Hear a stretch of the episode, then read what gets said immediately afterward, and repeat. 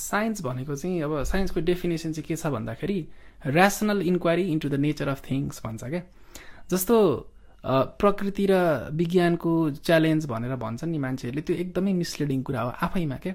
जस्तो उहाँ त्यो पोडकास्टमा पनि हरिहरजीले धेरैचोटि विज्ञानले यही प्रकृतिबाट त लगेर गर्छ नि भन्नुभयो त्यो एक्ज्याक्टली क्या वान हन्ड्रेड पर्सेन्ट करेक्ट क्या तपाईँले भनेको कुरा। हो प्रकृतिबाटै लाने हो होइन? प्रकृतिबाट मात्रै लाने होइन प्रकृतिलाई नै डिस्क्राइब गर्ने हो। Nature is the biggest pursuit of science त्यही प्रकृतिमा भएको कुराहरूलाई चाहिँ साइन्सले एक्सप्लेन गर्छ। तर डिफ्रेन्स कहाँ छ भन्दाखेरि प्रकृतिमा भएको कुराहरू एक्सप्लेन गर्ने अरू पनि विभिन्न कुराहरू छन्। तर साइन्स चाहिँ ऱ्यासनल हुन्छ साइन्टिफिक हुन्छ। साइन्टिफिक हुन्छ भन्नुको मतलब चाहिँ त्यसको चाहिँ इभिडेन्स हुन्छ र त्यो फ्याक्ट बेस्ड हुन्छ। मनगणन्ते डिस्क्रिप्सन हुँदैन। त्यसमा चाहिँ फ्याक्ट बेस्ड डिस्क्रिप्सन अफ नेचरलाई चाहिँ हामी साइन्स भन्छौँ। सो नेचर र साइन्स भनेर यो द्वन्द्वात्मक तरिकाले हेर्नुपर्ने कुनै कारणै छैन किनभने प्रकृतिकै अध्ययन तर सही अध्ययन। किन सही अध्ययन? किनभने इभिडेन्स छ नि त प्रमाण छ नि त त्यो सही हो कि गलत हो भन्ने।